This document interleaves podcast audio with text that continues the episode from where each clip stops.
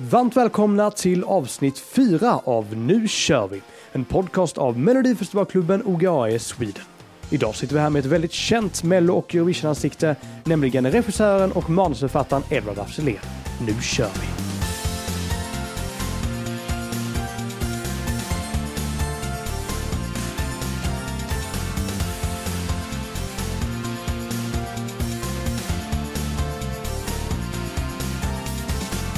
Det är helt riktigt. Ni lyssnar alltså på avsnitt fyra av Nu kör vi och eh, vi inleder med det här Nu kör vi direkt. För att så fort jag nämnde det i introt så eh, sa Edvard af som sitter framför oss att eh, ja, det var du som kom på det. Hur gick det till? Eh, nej men alltså, det var nog 2009 med Petra Mede. Då ville vi liksom ha en tagline att starta varje program med. Och då hade vi ett Nu kör vi. Eller det var till och med Då kör vi började det med. För det var nog, är, är jag Göteborg, det är Göteborg, då kör vi någonting sånt. Och sen slutade varje program med att säga tack och förlåt Göteborg, eller den stad vi var i. Så att då kör vi blev en grej då och sen tog jag kvar, tillbaka året efter, 2010, då jag skrev till Måns och Kristin och Dolph. Och sen har det varit kvar sen dess. Vilken grej! Alltså, vi, vi tycker ju om det jättemycket också. Ju. Vi har ju det som namn på vår podcast till exempel. Det otroligt ju! Otroligt. Det har slått stort. Nu, vi ser det än idag, förhoppningsvis för all framtid också. Innan vi sätter igång, så för de som inte känner igen ditt ansikte, kan du berätta lite vem du är och vad du gör? Jag är helt enkelt en regissör och en manusfattare som började, jag kommer från teater framförallt och sen så skrev jag alltid humor vid sidan av teatern. Och jag skrev humor till väldigt mycket roliga eh, kvinnor, inte minst när jag var ung. Sissela Kyle började skriva för när jag var 19 och eh, Rakel Molin, Susanne Reuter. Den vägen kom jag. Och då träffade jag Petra Mede på en hemmafest i ett kök hemma hos Andreas Lundstedt. Och sen fick Petra Mede Melodifestivalen för att alla andra hade tackat nej. Så väl vid jul så fick hon frågan och sa ja och tog med sig mig. Och så kom vi in 2009. Så det är min väg in i Mello.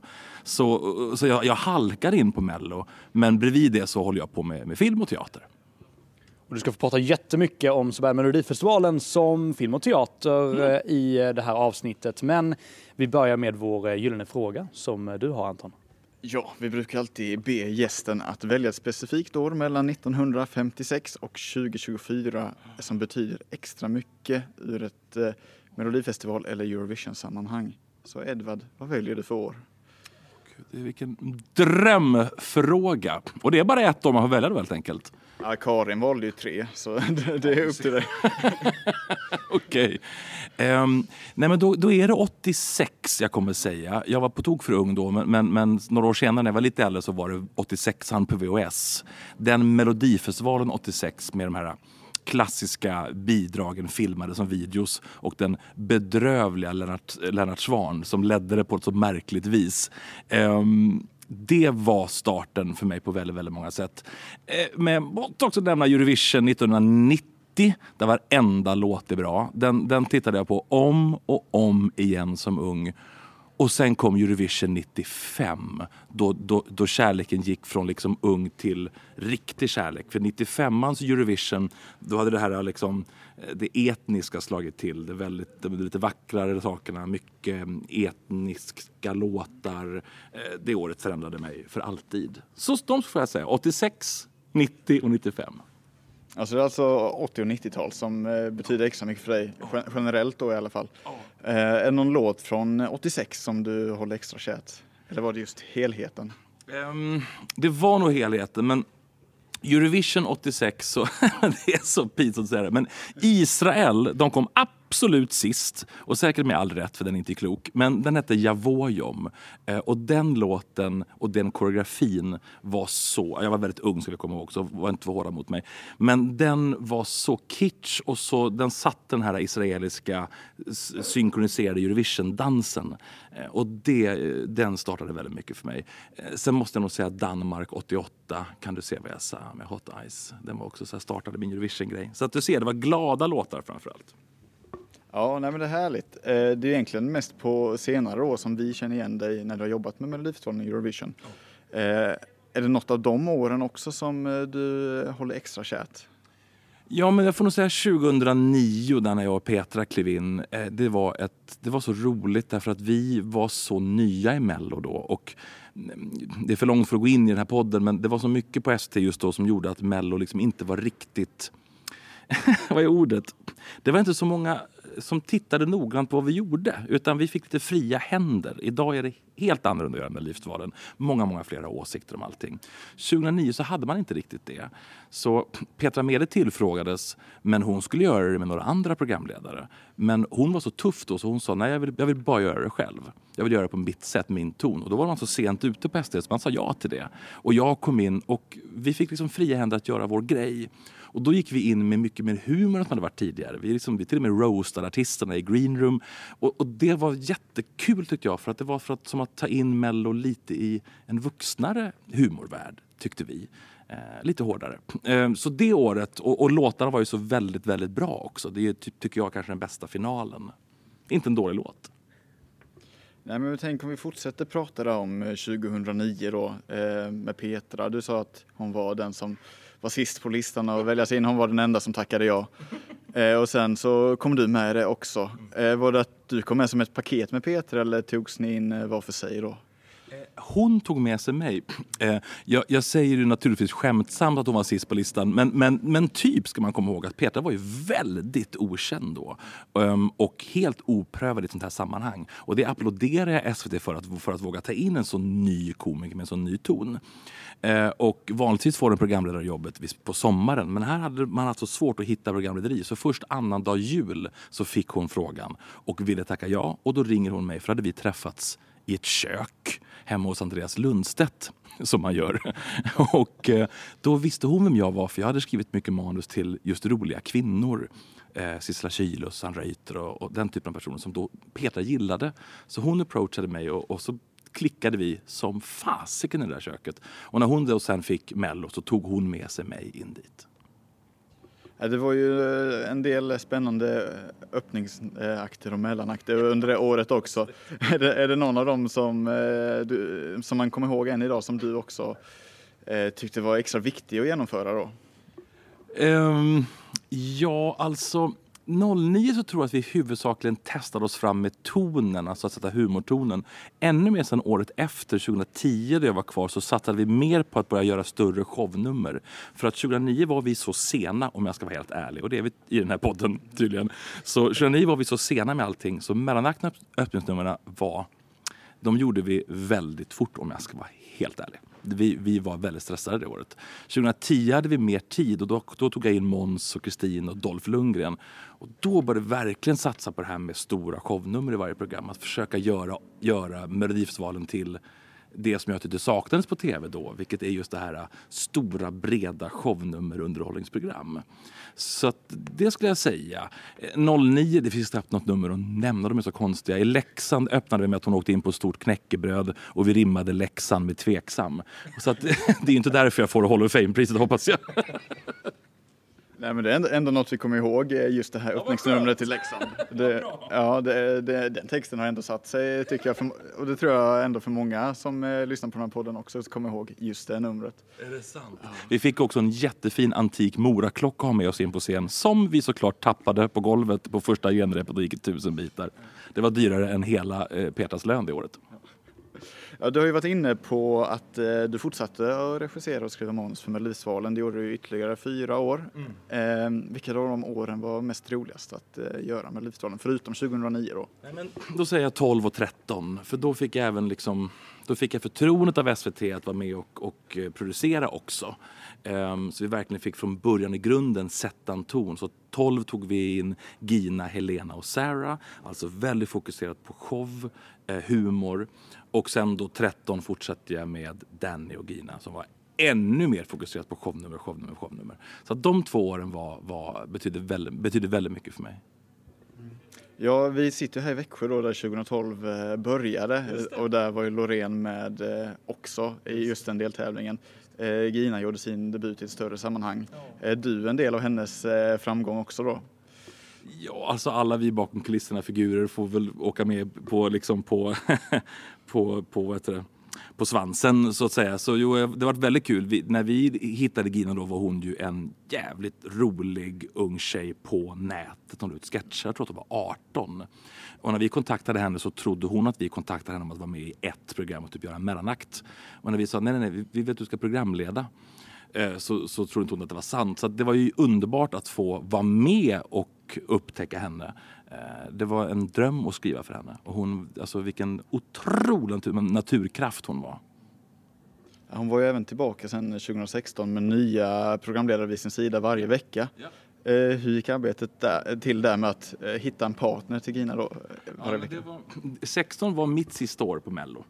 Um, för då hade jag varit borta då 14 och 15 och sen så vann vi Eurovision då igen med, med Heroes och så kände vi men då, okay, men då kör vi ett sista stort melloår och sen så skulle vi göra Eurovision då.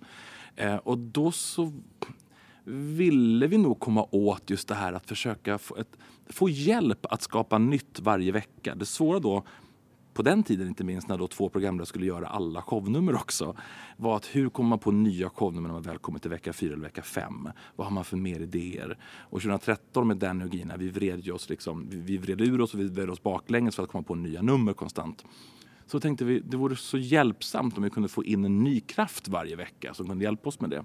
Plus att det hjälper det mediala för då får också media någonting nytt varje vecka. Så det var faktiskt bara ett sånt sätt att hjälpa oss att skapa nya idéer till varje vecka. Så att ha Gina som en slags, eh, vad säger man, en, en, ett center och sen någonting nytt varje vecka. Och då försökte jag bara tänka brett och högt. Petra förstås för det för att koppla det till Eurovision. Eh, Henrik Schyffert var urkul att få med, med mig in. Jag tycker så mycket om honom. Att få, få någonting, ett utanför perspektiv. Och sen så Charlotte var också jätte... William Spets hade vi i finalen. Inte klokt, jag har nästan glömt allting nu så länge sedan. Det var ju just det, jag måste ändå fråga, för det var ju ett tag sedan nu som, som du var med och regisserade och skrev manus till Melodifestivalen. Kommer vi se dig någon gång igen? Att göra, ha den rollen i Mello? Ja, det är en jättebra fråga alltså. Det, jag tycker att det är svårt. Och då säger jag gärna att nu, nu är jag ganska ärlig här nu, men, men jag, jag, tycker att det är svårt därför att det är ju Eurovision som jag framför allt kommer ifrån. Alltså det är det som jag växte upp och verkligen älskade. Och Eurovision dör jag för. Det är därför jag, jag kommer kommentera så länge SD ber mig att kommentera. Och, och när, när vi nu vann tackar såklart jag att göra Eurovision för att det är ett sånt drömjobb. Så Eurovision bultar mitt hjärta för. Mello är någonting annat. Mello är ju ett svenskt program som förändras hela tiden genom åren. Det är olika typer av program. Och nu upplever jag att det är en annan typ av program än när jag var där. Så att jag vet inte exakt vad jag ska in och tillföra till det som är Mello just nu som är mycket mer ett familjeprogram upplever jag. Det var det förut också, men vi hade kanske en lite, eh, vad är ordet, lite vassare ton fick man ha förut. Och det kanske är dit som tv är på väg överlag, att det är svårt att ha den typen av, jag vet inte. Som sagt, det är svårt det här men, men jag kan absolut, vem vet, någon gång kanske man är tillbaka. Men, men det måste finnas en anledning för mig då. då. Då måste det kanske vara att programmet har förändrats jättemycket eller att det är någon, någon ny form man kan vara med och skapa. Har, har, du, har du fått frågan från eh, SVT sen du var med sist? Ja, det har, det har kommit någon gång. Det, det, det har det. När, när var det senast? det, det går, jag vågar inte säga det. Men, men det, det har kommit någon gång och, och 2019 hade vi en situation då Erik Saade Marika, Kodjo och Sarah ledde. Och då, då hade de problem och det hände någonting på reaktionen och, och eh, ja, någon slags kris. Och då, då hoppade jag in bara någon, någon vecka 2041 och hjälpte till att skriva och skapa en, en mellanakt. Så att, det är klart man dyker upp ibland men, men eh, nej, jag, jag vet inte. Det måste, det måste vara rätt. Ja, eh, vi tänker eh, att vi går vidare lite snart, men innan vi lämnar Melodifestivalen just, eh, är det någon särskild händelse i Melodifestivalen som du har varit med och skapat som är viktigast för dig? Mm. Mm. Nej men, eh, jag tror att, oj vilken bra fråga, vilken stor fråga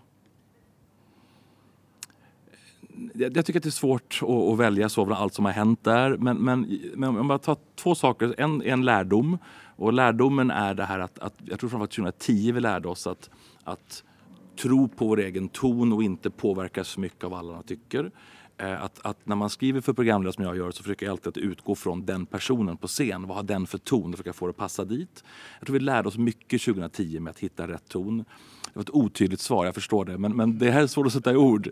Um, men det andra kanske får jag nog nämna en, en, ett, ett ögonblick 2012 då jag satt hemma med Sarah och vi försökte spåna roliga gre grejer till Sarah. Och hon gjorde den här konstiga, roliga dialekten som hon hade lärt sig för hon tittade på ett nattprogram från England som typ hette Heathrow eller något sånt. Du vet, någon sån här dokusåpa på en, på en flygplats och berättarrösten hade en sån rolig dialekt och hon började härma den. Och vi sa att det här vore kul att göra en karaktär av. Och då så skapade vi Linda Woodruff.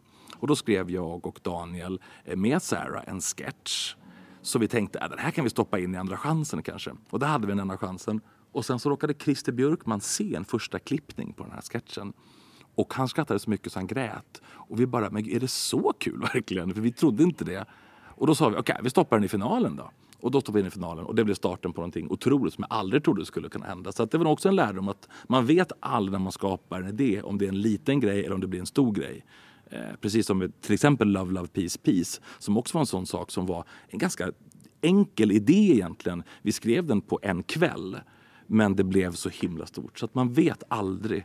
Eh, ibland lägger man ner för mycket jobb på saker som inte blir någonting alls. Nej, vi tänkte ju faktiskt just gå över till den här karaktären. Eh, det pratade om, ja, så det var väldigt bra tajmat. Eh, och eh, hon heter ju Linda Woodruff då ju. En eh, väldigt älskad karaktär som, som, du precis sa att du varit med och tagit fram då ju. Varför blev det just Linda Woodruff då och, eh, och som, eh, Eh, som EBUs talesperson helt eh, enkelt? Det är väldigt märkligt. Ja, det är en jättebra fråga därför att, därför att jag tror överlag i humor så är det alltid bra att sparka uppåt. Alltså ju högre eh, position karaktären har ju roligare fall är det. Som chefen i The Office, alltså tusen exempel. Eh, och när vi den här kvällen hemma hos mig i min soffa då, då, då Sarah och jag skapade den här filuren av hennes röst. Då tänkte vi att det skulle vara ett Eurovision-fan. Det var den första idén Eh, kan jag avslöja nu. Eh, tanken var att hon skulle vara ett, ett, ett Eurovision-fan som pratade så. Och när vi sen började skriva så märkte vi att äh, det känns inget schysst att det är Eurovision-fan för vi är Eurovision-fans, man vill inte sparka liksom på den, den finaste, gulligaste gruppen. Det vore roligt att sparka uppåt och då sa vi när jag och Daniel satt och skrev, sa vi, är det inte bättre att hon kanske en, en, har en officiell position? Och då sa vi, ska hon vara någon slags otydlig spokesperson för Eurovision? Och då blev det lättare att skämta. Så det var nog vägen dit. Och så blev det Linda. Jag älskar namnet Linda med Y, det är någonting brittiskt fult tycker jag är det. Och Woodruff var bara efternamnet på en brittisk ljussättare som jag jobbade med just det året. Han hette Woodruff och det var ett kul namn bara. Så det är anledningen. Det är ju ingen hemlighet att eh, du är med och arbetar och refuserar även nu 2024 i Malmö. Mm. Kommer vi se en återkomst av eh, Linda Woodruff kanske? Inga kommentarer ännu. vi får se. Ingenting du kan avslöja kring det? Jo, kring programmet kan jag nog säga att det, det känns superkul. Alltså det, måste jag, det, det känns faktiskt jätteroligt. Och nu, nu är också programlederiet ute, vilket är skönt. Så man slipper gå liksom och smyga och smussla. Nu är det ute att det är Petra och Malin. Och, och det är jag jätteglad för. Så att, som ni kanske förstår då på det så kommer vi ju fortsätta i, i den tonen vi startade 13. Alltså den här äh, komiska tonen där vi vågar driva med oss själva, driva med Sverige. Eh, men alltid med väldigt, väldigt mycket kärlek till programmet hoppas jag genomsyrar det. Så vi kommer fortsätta den tonen. Mycket humor och mycket show. Ja, du har ju tidigare i Eurovision varit eh, delaktig 2010, 2013 och 2016. Eh, där, eh, särskilt då när det varit i Sverige så har du stått bakom eh, fantastiska öppningsnummer som i Malmö 2013 men även eh, mellanakten i finalen då 2016 som du nämnde tidigare, Love Love Peace Peace. Eh, väldigt enkel idé sa du, men trodde ni att det skulle tas emot så bra? Nej, det gjorde vi inte. Överlag så jobbar jag alltid ur väldigt dåligt självförtroende. Så att jag, jag, det tar alltid mig en lång tid att tro på någonting. För att mm, vi är våra egna värsta kritiker. Um, Eh, Eh, jag och Daniel som har jobbat så mycket med. Liksom, vi, vi, vi är väldigt hårda mot oss själva. Vi la egentligen mest krut det året på det som blev öppningen i semi 2 för den eh, lyssnare som minns det som hette Story of Eurovision eller This is, That's Eurovision som var någon slags dröm jag hade att göra ett Oscarsgalet typ utav amerikansk shownummer som handlade om Eurovision. Och det är ju inte klokt att det inte har gjorts tidigare egentligen. Det är ju inte klokt att vi var först med det. Hur kan ingen ha gjort det? För när folk frågar vad ska du skämta om? Så brukar jag säga att det lättaste är att skämta om det sammanhang man är i. Alltså att skämta om Eurovision. Vad har alla som tittar gemensamt? Jo, att de tittar på Eurovision. Det här programmet alltså är den gemensamma nämnaren. Så det var så rimligt att gräva i det och skämta om det. Så det numret var extremt svårt att skriva och göra och vi skulle skapa den här gigantiska kicklinen i slutet. Love, love, peace, peace var ju snarare den här idén man kom på efter liksom två glas rosé och bara, men hallå ska vi inte göra en sån här grej? Och sen satt vi kvar en kväll på SVT och skrev den. Det tog inte speciellt lång tid. Um, och vi tänkte, det här blir ju för galet. Och jag kan också berätta för er att Love, love, peace, peace, peace var, på väg, var på väg att ryka. Därför att det första repet vi gjorde, det var så dåligt så att alltså det var så fruktansvärt fruktansvärt dåligt att Edvard Blom skulle framstå som Broadway i jämförelse. Eh, ingenting satt, alla dansare var fel. För det var, det, om ni kollar på Laura Peace det är ju över 50 människor på scen. Och det, är, det är en trafik på scen framförallt. Det är trafik för att få allting att funka. Nu ska Rybak stå där, nu ska Lordi stå där, nu ska damerna med, med bröd stå där. Parentes, damen längst fram med bröd är Sharon Finers mamma. kul, kul trivia. Som spelar rysk gumma.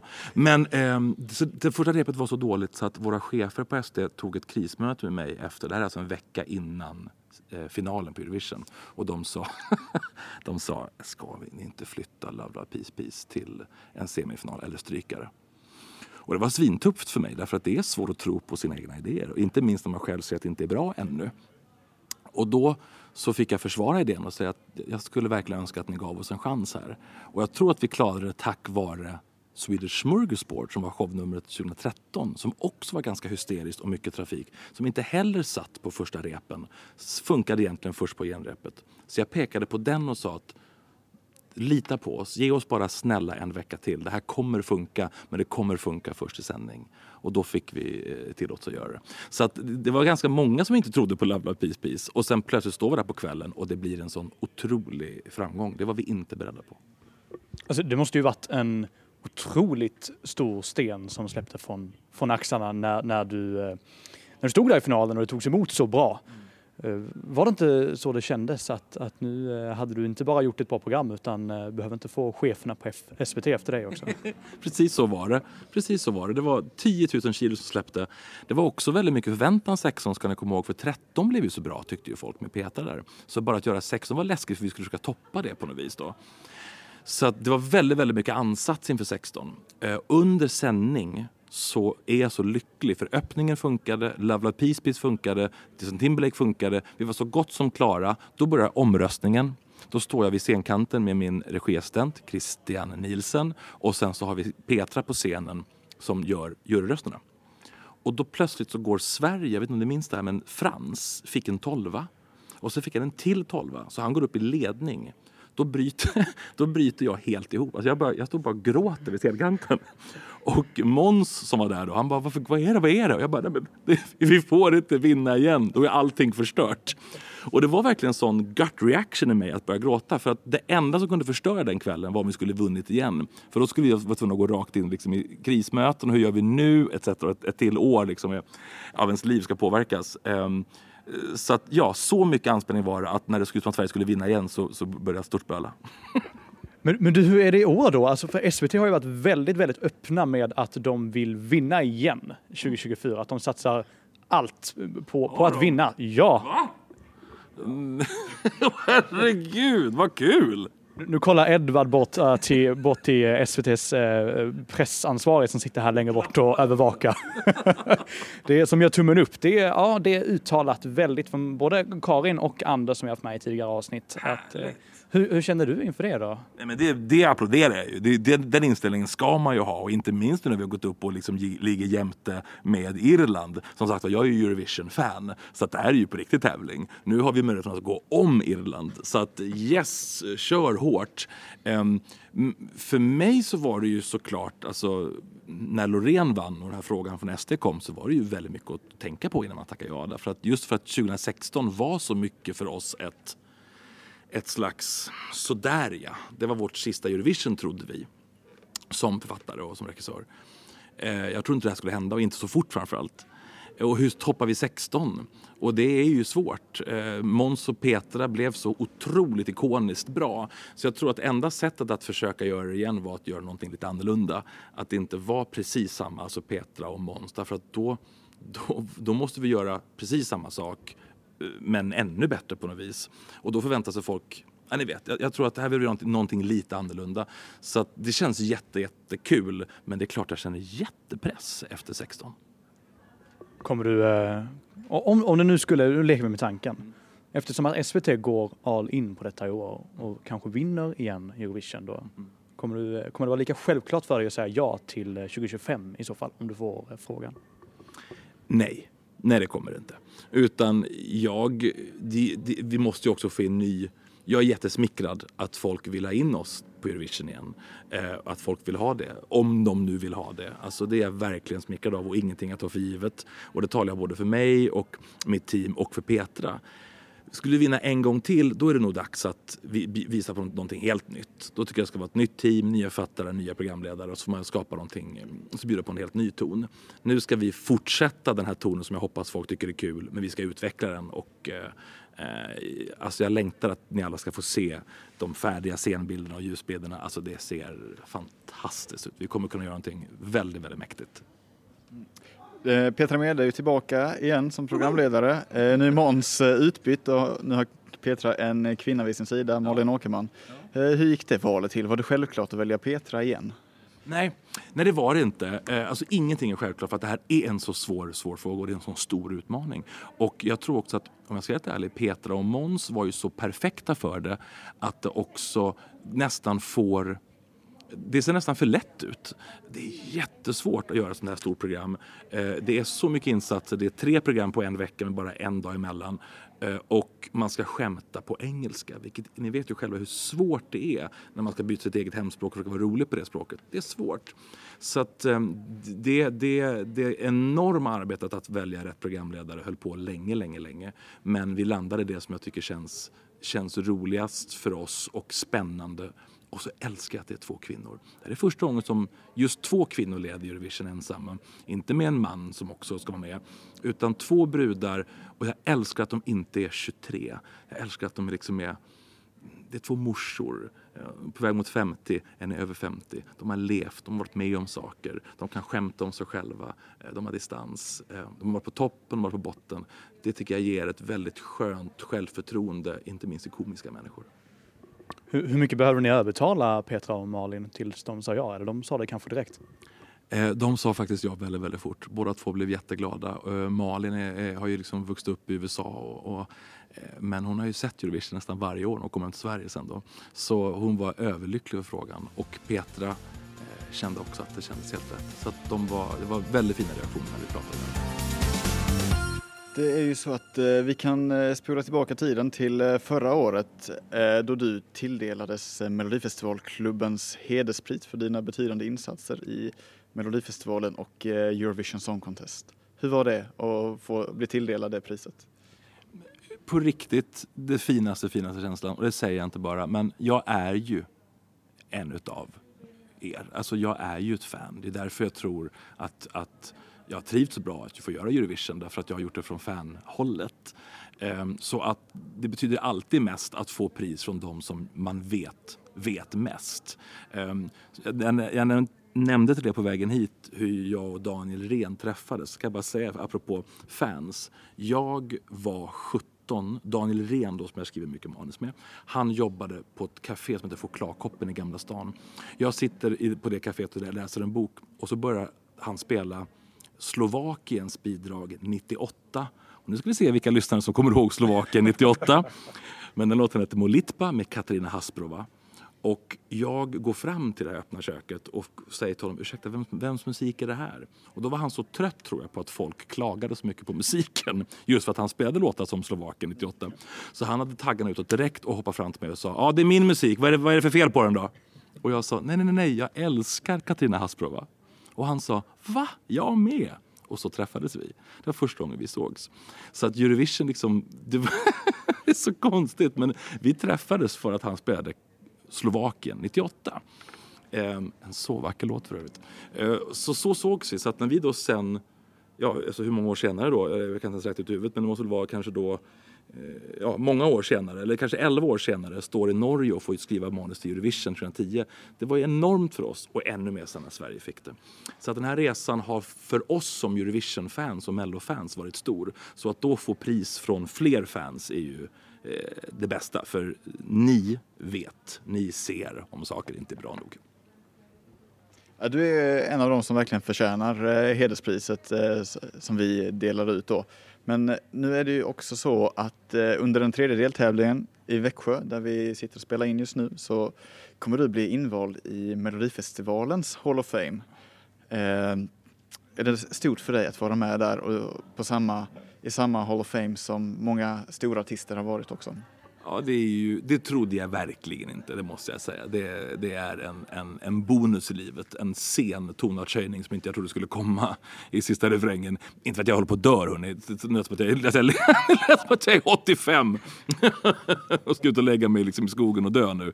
Men jag var inte beredd på det här, det var jag faktiskt inte. Jag tyckte att det var väldigt, väldigt, väldigt hedrande. Jag är väldigt ödmjuk inför det därför att eh, jag har ju också jobbat med så många andra. Så det är ju ett helt gäng som gör det här. Så jag, jag ser det som att jag tar det här priset på något sätt on behalf av de här programledarna som levererar det som vi skriver. Det är de som får oss att se bra ut. Och mina koreografer och producenter och medförfattare. Eh, så ser, ser jag på det. Ehm, det är ju Eurovision egentligen, att kommentera Eurovision, att få in den här tonen i Eurovision som varit så viktig för mig. Ehm, men jag förstår att det här är bara för Mello det här priset. Så att, eh, nej, jag är väldigt smickrad och överraskad. Du, du har ju gjort så otroligt mycket också även utanför Melodifestivalen och och Eurovision. Du har till exempel Änglagård på Oscarsteatern. Eh, du har ju eh, nu i New York också den här showen Stalker, eh, Brynolf och Ljung. Alltså vad, vad, är dina, vad är dina drömmar? Vad är det du siktar mot härnäst? Ehm, just nu siktar jag mot att bara ta emot det här priset ikväll och inte stamma för mycket eller snubbla i bild.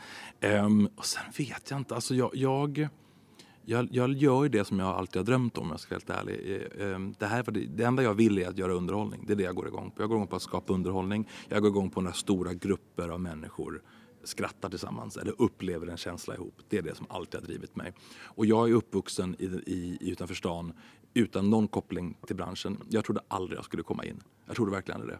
Jag såg inte vad den vägen skulle vara. Jag trodde aldrig jag skulle få komma till Eurovision. Det nålsögat är ju så litet och jag hade ingen väg in dit.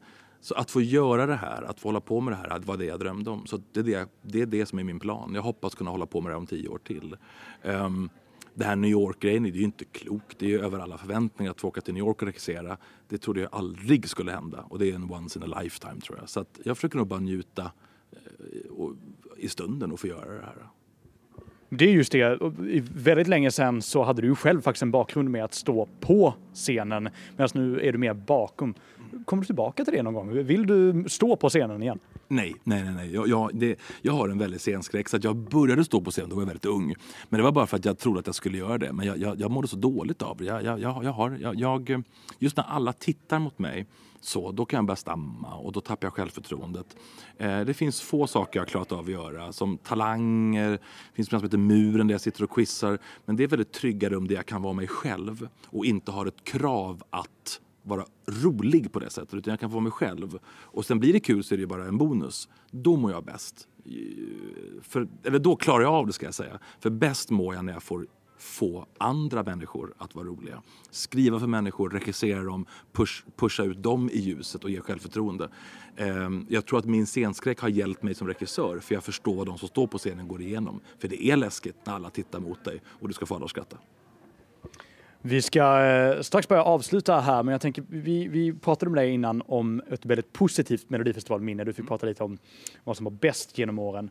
Om vi vänder på steken istället, vad, har du något som har varit riktigt, eh, riktigt jobbigt, eller det värsta mellominnet genom året? Kanske något stressigt eller liknande? Ja, alltså den, den, den kunnige lyssnaren vet ju om att jag var inne en vända 2005 som artistkoordinator och fick sparken från Mello när jag var 21 år gammal. Det är ju den konstigaste resan i mitt liv.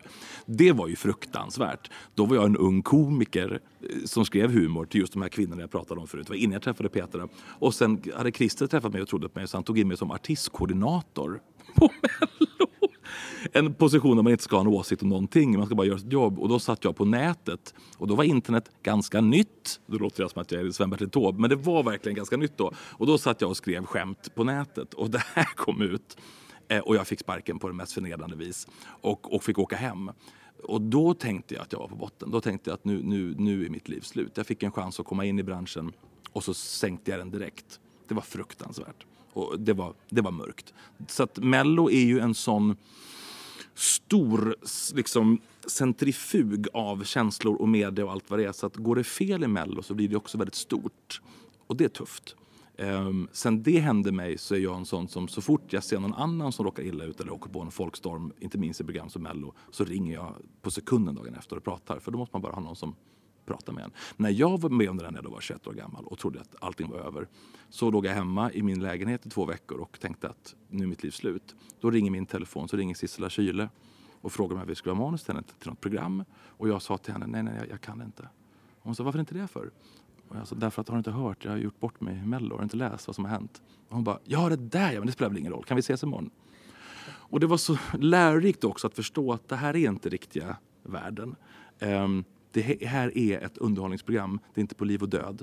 Ehm, man kan göra fel och sen kliva upp igen. Och jag gjorde fel och lärde mig av det. Och bad om ursäkt till Pernilla Wahlgren som jag ju hade en, Det var ju Pernilla Wahlgren och jag, konstigt nog, som grälade i media. Och så gick jag och bad om ursäkt för henne och idag är vi jättenära kompisar och jag har gjort tre föreställningar med henne. Så att man vet aldrig. Så ja, det är väl mitt värsta mellominne. Eh, mitt konstigaste mellominne kommer jag säga nu också med bonus. Vi har väl ingen sluttid. Ehm, det här är en, kommer jag nu avslöja för er, det här tror jag inte att jag sagt till någon förut. När Salem Al Fakir var med 2010 och tävlade eh, med Keep On Walking så fick han panik för att han trodde att han skulle vinna allting. För han blev en stor favorit i finalen. Hans plan var inte att vinna. Då kallades jag in på mitt konstigaste uppdrag hittills, vilket var att förstöra en vinnarlåt. Och då klev jag och Björn Gustafsson in. Och jag vet inte om du minns att i finalen var plötsligt Björn med och satt med en kaffekopp och spelade piano. Det gjorde Björn. det gjorde Björn och jag med uppgiften att se till att Salm inte skulle vinna. och mycket riktigt, han kom två. Men det, det, här är ju det här är jätteintressant. Det här har vi nog faktiskt inte hört någon annanstans Nej, tidigare. Det, det, det, finns ju de som eh, påstår att det var den avgörande faktorn till att han faktiskt inte kom, kom, eh, kom etta. Var det, var det så pass stark känsla hos honom att han, han ville verkligen inte vinna? Varför ville han inte det? Jag, jag vet inte, jag kan inte riktigt faktiskt tala för honom, utan, men, men jag vet att, att det var liksom inte riktigt plan att han skulle åka till Eurovision tror jag, han vill ju presentera sin nya musik till Melodifestivalen. Eh, för övrigt tycker jag att Keep on Walking är min favoritlåt någonsin. Det är min nummer ett i Mello någonsin. Ehm, så jag tror att han var så här, fan kan vi inte bara leka till det här i finalen så att, så att det inte liksom blir riktigt samma grej. Och där fick jag och Björn in. Ehm, och jag tror också att det var det som sänkte, som sänkte låten. Ehm, men ja, det är en liten bakom kulisserna historia. Ja, man vet inte hur det hade gått Eurovision heller för Keep on Walking. Kanske vi hade tagit oss till final det året. Så det är mycket som eh, avgjorde i Eurovision-historien också på grund av den här insatsen du gjorde i, i finalen 2010. Ja, det var väldigt konstigt. Eh, men eh, fanns det några andra idéer där då på hur man skulle kunna få ner chanserna för att vinna? Nej, nej det, var, det här var idén från början, vilket var in med Björn Gustafsson och, och, en, och en kaffekopp. Och Björn var ju jätterolig i det numret. Så det blev ju väldigt kul. Alltså det blev, jag tycker det blev ett jättekul nummer, men det blev inte lika mycket fokus på att han skulle vinna det här. Och eh, jag tror att alla fick som de ville i slutändan. Och så fick Anna vinna istället med en jättefin låt. Men Salman Fakir var alltså med på, på allting. Han, han visste vad som skulle ske innan. 100 procent, han var helt med på det. Ja, det är, vilka, vilka avslöjanden vi får här i, eh, i Nu kör vi. Det är, det är ja, eller hur? Superhärligt att, att höra dig berätta. Innan, innan vi avslutar, finns det någonting som du vill säga som du känner att du, du inte riktigt fått sagt? Nej, jag tycker inte det. Utan um, nej, jag hoppas att eh, vi alla ska ha kul i maj framförallt. Melodifestivalen är underbart här just nu och må bästa låt vinna. Men Sen gäller det igen, maj, hela världens blickar tittar mot Sverige och vi hoppas allihopa, eh, ni inklusive, ni är väl där? Ja, då hoppas vi allihopa att, att maj blir ett jättefint minne för Sverige och att vi kan ge eh, alla som tittar ett till riktigt bra svensk Eurovision. Det är väl min, min dröm just nu. Vi, hade i och för sig kunnat sitta här och prata hur länge som helst, eh, men det, det, har vi inte tid med. jag har inte ens sjungit ännu. Jag har ju massa sånger, jag har övat in sånger. Jag skojar. Det, det hade också varit en grej att höra dig sitta och sjunga här i, ja, i podcasten. Nu blåser Edvard ut ljus. Eh, det var väldigt viktigt när vi skulle börja spela in här. Att, eh, Stämning, stämning. Nu släcker vi dem, nu är det över.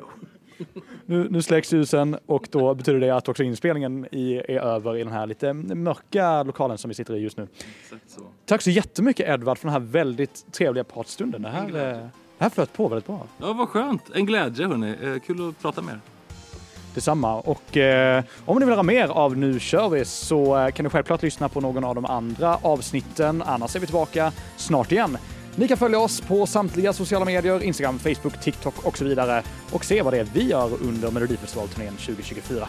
Vi säger så länge på återseende och ses i nästa avsnitt.